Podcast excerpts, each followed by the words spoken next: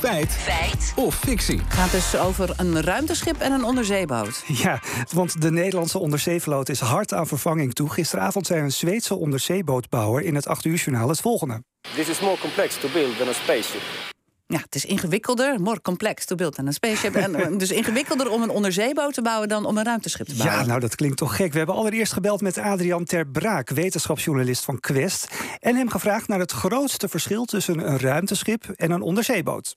Bij beide weet je dat je in een omgeving komt wat de druk heel anders is. Voor een ruimteschip heb je natuurlijk, dat, is krankzinnig hoe vernuftig dat allemaal technisch in elkaar zit.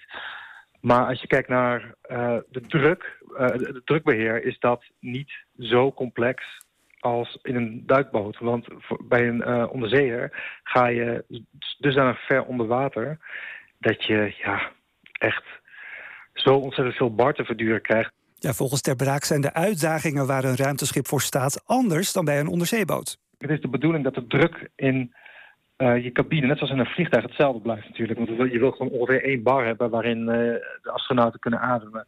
En daarbuiten, maar daarbuiten is helemaal niks. Dus als je maar één gaatje hebt of één foutje in je ontwerp, dat kan catastrofaal zijn.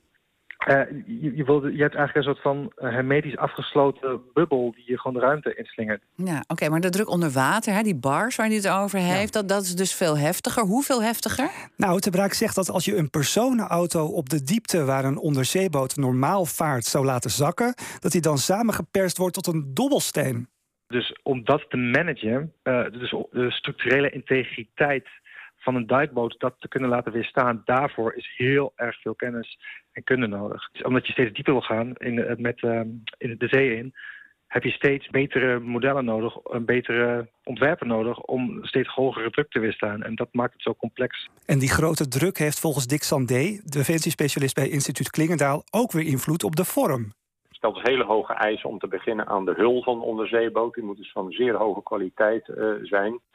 En door de vorm die de boot daardoor krijgt, namelijk rond, eh, maakt dat natuurlijk ook de integratie van alle systemen, wapensystemen, eh, communicatie, al het andere wat in een onderzeeboot moet worden gebouwd, maakt dus heel specifiek. Het moet allemaal in die kleine ruimte eigenlijk ingeperst eh, worden. En alsof dat allemaal nog niet genoeg is, moet er bij de bouw ook nog rekening worden gehouden met de watergesteldheid volgens Sandé. Het water bijvoorbeeld in de eh, eh, Atlantische Oceaan, waar onze onderzeeboten toch voornamelijk zullen opereren, is bijvoorbeeld anders dan de samenstelling van het water in de Indische eh, Oceaan. Ehm, en, en dat betekent dat zo'n zo'n onderzeeboot die wij dan gebruiken, die vooral gebruikt wordt in de Atlantische Oceaan, en die moet ook naar het Caribische deel van het Koninkrijk kunnen varen om daar taken uit te voeren. Ja, die moet dus vooral daarop eh, toegespitst eh, eh, worden. Ik vind het mooi om te horen hoe al die deskundigen zo onder de indruk, met zo hoeveel respect hierover praten. Over Nou ja, dat moet ook wel, want anders word je tot nou een dat dobbelsteen, eh, ja. samengeperst. Ja, maar, maar waar, waar is het nou het ergst of waar is het het ingewikkeld? Dan gaan we terug naar het begin. Is het ingewikkelder om een onderzeeboot te bouwen dan een ruimteschip? Ja, omdat onderzeeboten onder water dus te maken hebben met veel meer bar, is het inderdaad veel ingewikkelder om die constructie eh, te bouwen. Een feit dus.